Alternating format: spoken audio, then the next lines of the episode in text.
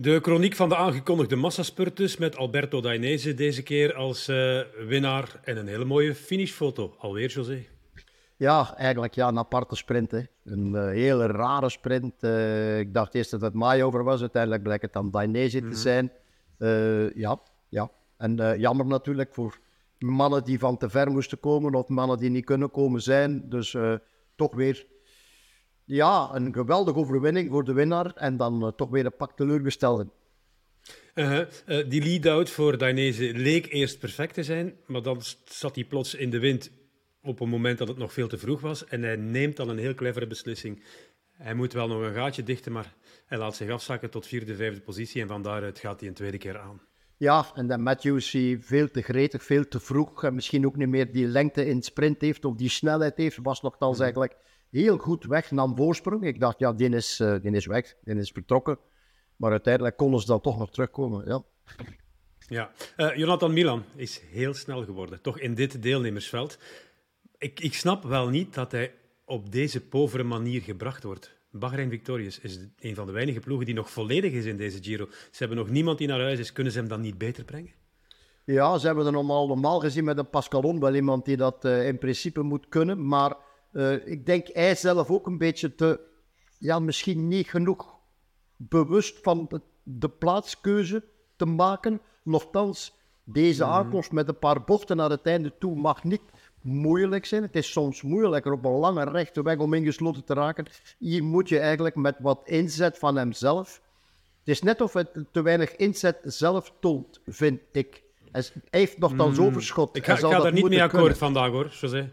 Mm. Ik ga daar niet mee akkoord. Ik heb de laatste vijf kilometer opnieuw bekeken. Hij moest constant gaten dichten, uh, rond iemand gaan om in positie te komen. Hij had gewoon niemand bij zich. Pasqualon is nog even gekomen, maar Pasqualon die rijdt, die rijdt vooral zijn eigen spurt. Ja, maar hij moet ook leren. Hij moet ook leren als hij weet, als hij weet dat die mannen daar niet zijn. Dan moet hij bijvoorbeeld uh, de keuze maken om bij Matthews te kruipen. Als je ziet dat mm. daar wel volk aanwezig is, dan moet je dat doen.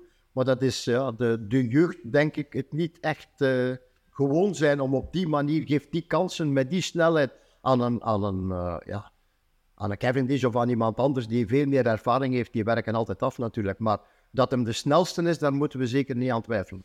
Ja. Uh, wint Milan in deze ronde van Italië met een ploeg die hem goed brengt drie tot vijf ritten? Want uh, is al vier best... keer tweede, hè? Ja, ja, dat zou best kunnen. Ja, telkens. En, en hij wordt telkens tweede. Heel nipt, een paar keer heel nip, nip, nip. Ook met Akkerman super nipt. Mm -hmm. Dus het is net het er eigenlijk om doet. Maar uh, inderdaad, met een klein beetje meer steun. Ja, altijd drie redden, minstens. Ja, uh, goede kans was het ook voor onze landgenoot Arne Marit, maar die ziet zijn ketting er twee keer afgaan. Um, enorm ontgoocheld. Tegelijkertijd moet hij ontzettend tevreden zijn dat hij niet is gevallen, als je het ziet. Uh, ja, maar ja, je gaat dan toch altijd in de eerste plaats, denk ik, die ontgoocheling mm. proberen verwerken. Hè, of er iets mee moeten doen. Je, je mm -hmm. denkt, het is een van de weinige kansen, een, een, een, relatief makkelijke rit om te sprinten, waar sprinters in principe nog moeten fris zijn. En dan krijg je die kans, dan denk je dat je die kans had en dan kun je dan niet afwerken. Weg kans. En, mm -hmm. en hoeveel keren krijg je nog zo'n kans om daar te zitten en dan vanuit dat standpunt op dat punt te vertrekken? Het zag er heel goed uit, heel goed uit. Hij had maar hoeven te switchen naar de regio waar uh, Matthews zat en het had misschien, misschien wel gekund. Mm -hmm. uh, hebben de constructeurs van uh, versnellingsapparaten werk aan de winkel? Want ik zie het als een terugkerend fenomeen, die 12-speed die, die ze soms in de steek laat. Goh, dat zou ik heel ver gezocht, want het lukt altijd. Het lukt meestal altijd. En dan mm -hmm. moet je misschien gaan kijken, is er... Is er ik denk niet dat het aan het materiaal zelf ligt. Ik denk dat het, uh, het kan natuurlijk altijd ergens een foutje insluipen. Uh, dat is bij elke constructeur al gebleken dat er bepaalde dingen kunnen. Maar soms is het ook wel een, uh, een afstellingsfout. Zou ook kunnen. -hmm. We hebben nu al heel veel verschillende winnaars gezien in de spurten in deze ronde van Italië, José. Maar is er één van die winnaars in deze Giro die ook in een andere grote ronde, met de grote namen erbij, de grote snelle mannen, een rit zou kunnen winnen, volgens jou?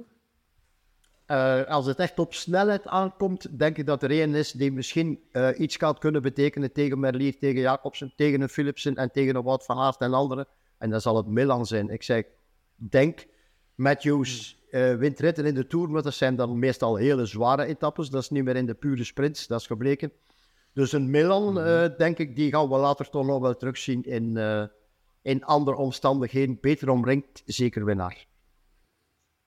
Ja, dus zonder meewarig te doen, dit is de tweede laag van de spurters die we hier aan het werk zien. Dit is de tweede maar laag het maakt het ook mooi, hè? Want ja, ja. Ze, zitten, ze, zitten op hetzelfde niveau tegen elkaar te strijden. Ja, en we hebben er een Milan die, die niet te vergeten, die Olympisch, die wereldkampioen achtervolging is. En dat is toch wel een laagje mm -hmm. erbovenop. Dat wil zeggen, zo, dat is iemand, en dat heeft hem hier al bewezen, sprints van 250 meter en misschien nog wel langer te kunnen rijden. Is een kerel die van heel ver komt, oké, okay, het is niet de snelheid die we in de Tour zien met de grote mannen, maar hij doet het wel. Dus het is, een, uh, het is niet direct een ontdekking, want velen kenden hem al, maar, maar het is toch wel iemand die gaat blijven. Zeker. Ja, en die misschien door dit deelnemersveld ook gediend is om vertrouwen te tanken voor zijn toekomst. Want zoals je zelf zei, nog bitter jong en vooraan in de twintig. Voilà, en, en de ploeg zal moeten gaan keuzes maken, of hij zal keuzes moeten maken. Blijf ik bij die ploeg? Ga ik iets andere oorden opzoeken? Of gaat de ploeg zich versterken? Een ploeg die niet echt uh, gespecialiseerd is in het uh, sprinterswerk en ook al niet direct in het grote klassieke werk. Dus uh, ja, die gaan keuzes moeten maken met zo iemand aan boord. Ja, uh, nog even naar de vlucht van de dag. Die was kansloos, want die hebben nooit uh, veel tijd gekregen. Maar dan merk je wel dat uh, daar een ploegleider zit bij Alpes in de die een zoon in die vlucht heeft. Hè. Bart Leijsen had zijn Leijsen mee vooraan. En die hadden ook een plannetje bekokstoofd, want als ze dan toch geen ruimte gaven in dat peloton, dan werd er vooraan ook niet hard gefietst. En Senne Leijsen die hield duidelijk nog wat over voor de finale, is de laatste die gepakt is. Ja, ik denk dat ze dus gebruik maken om zichzelf te verkopen om de, de ploeg, mm -hmm. de naam, de ploegnaam te verkopen. Daar win je zieltjes mee op die manier. Dat is toch laten blijken van, oké, okay, ik weet ik kan niet winnen, maar ik doe dan toch mijn best. En dat, uh, dat wekt wel sympathie op. En voor hemzelf, oké, okay, hij heeft niet gewonnen. Zat mee in die ontsnapping en zal toch tevreden zijn van zichzelf. En ook de ploeg als sponsor, denk is daar wel uh, uiteraard tevreden mee. Oké, zo meteen gaan we nog eens vooruitblikken naar morgen. Zware rit die er alweer aankomt. We gaan opnieuw naar de klassementsmannen kijken morgen. Maar we gaan eerst nog eens naar uh, Italië, naar uh, Renato. Weer een dagje van gemengde emoties in Giroland. Met een overgelukkige winnaar, al was het verschil nipt. Alberto Dainese met zijn tweede Giro-etappe ooit. Hij won er ook vorig jaar eentje. En dan grote ontgoocheling, maar echt reuze ontgoocheling bij onze landgenoot Arne Marik, die na veel vijven en zessen uiteindelijk in een kansrijke positie in die sprint terechtkwam. Maar dan zijn kettingprobleem. Dat snoerde hem uh, de benen en het was einde verhaal. En dus rest hem nog één kans en dat is dan Rome komende zondag. Maar de ontgoocheling bij onze jonge landgenoot, dat was van dat kaliber, heb ik nog maar zelden gezien na afloop van een koers. Arne Maris, je zat in een geweldige positie en dan de ketting. Ik heb er geen woorden voor. Ik geloofde er echt in vandaag. Ik voelde me de hele dag echt supergoed. En ik draaide die bocht eigenlijk ja, perfect. Ik wist dat ik binnenkant moest zitten, doordat ik iedereen kon uitremmen. En dat deed ik eigenlijk perfect. En dan voor mij viel het eigenlijk juist stil. En Dainese schoot in op het juiste moment. En eigenlijk kwam ik daar perfect uit de slipstream zoals ik het gehoopt had. Maar op het moment dat ik echt voluit aanzet, schiet mijn ketting eraf. En, uh, ja, ik kon het nog uh, erop krijgen. Ik zette nog een tweede keer aan en hij schoot er weer af. Dus.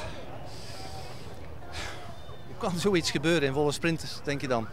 Ik snap het niet, want heel de koers heb ik niks van materiaalpech gevoeld of zo. Alles schakelde vlot. En dan net weer in die sprint. Ja, vandaag echt de gemiste kans op een eerste Giro-overwinning. Ik denk dat ik kan zeggen dat ik echt de benen had om te winnen vandaag. Ik zat in een gegoten positie en ja, ik heb er niet veel woorden voor. Ja, dat snap ik. Er komt nog één kans. Kan je daar nog voor opladen? Rome? Ja, het zal wel moeten. Morgen relatief korte rit, 161 kilometer van Oderzo naar uh, Val di Soldo. Dat is aankomst bergop. Dat is weer zo'n lastige rit. Dus morgen gaan we weer kijken naar uh, de heilige drievuldigheid. Hè, naar Grant Thomas, naar uh, João Almeida en Primoz Roglic. Ja, en we gaan, we gaan vooral kijken naar um, wat is er met, met Roglic. Wordt die beter? Mm -hmm. uh, blijft hij wat dat hem is? Dus minder goed dan die twee anderen.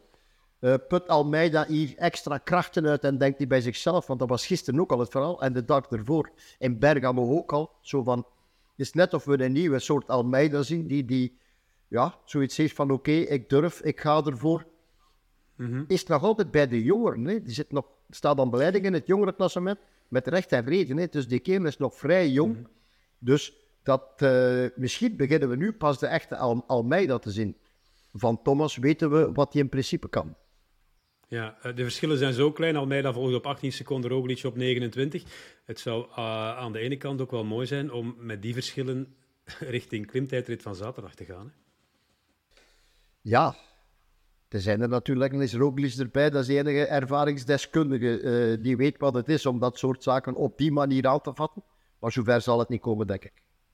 Nee, ik denk dat er, de verschillen groter zijn, ja. Daar gaat er, denk ik, ja. Ik heb het gevoel dat... Um, Thomas is enorm alert, was gisteren bij de Pinken om onmiddellijk te zien dat uh, uh, Roglic op een paar meter zat in die, in die bocht uh, waar, waar eigenlijk Sepp Koes, waar hij een gaatje moest laten, was, was eigenlijk Thomas ongelooflijk alert mm. om, om toe te slaan. Dus ik denk, ik denk dat, dat die mannen, wanneer ze de kans krijgen, zowel Almeida als Thomas zelf, dat ze gaan proberen om toch van minstens van één van de twee vanaf te geraken. Oké, zeker is dat we naar de driedaagse van de waarheid gaan. Morgen valt die Soldo, uh, vrijdag dan Trecime di Lavaredo en zaterdag die klimtijdrit. José, bedankt. Um, nog altijd bij Smalle? Okay, Pak u nog een slok en we zien elkaar... Uh, ja, ik had kunnen denken. Pak u nog een slok en we zien elkaar morgen terug. Arrivederci, capo Adomani. Ciao, Adomani.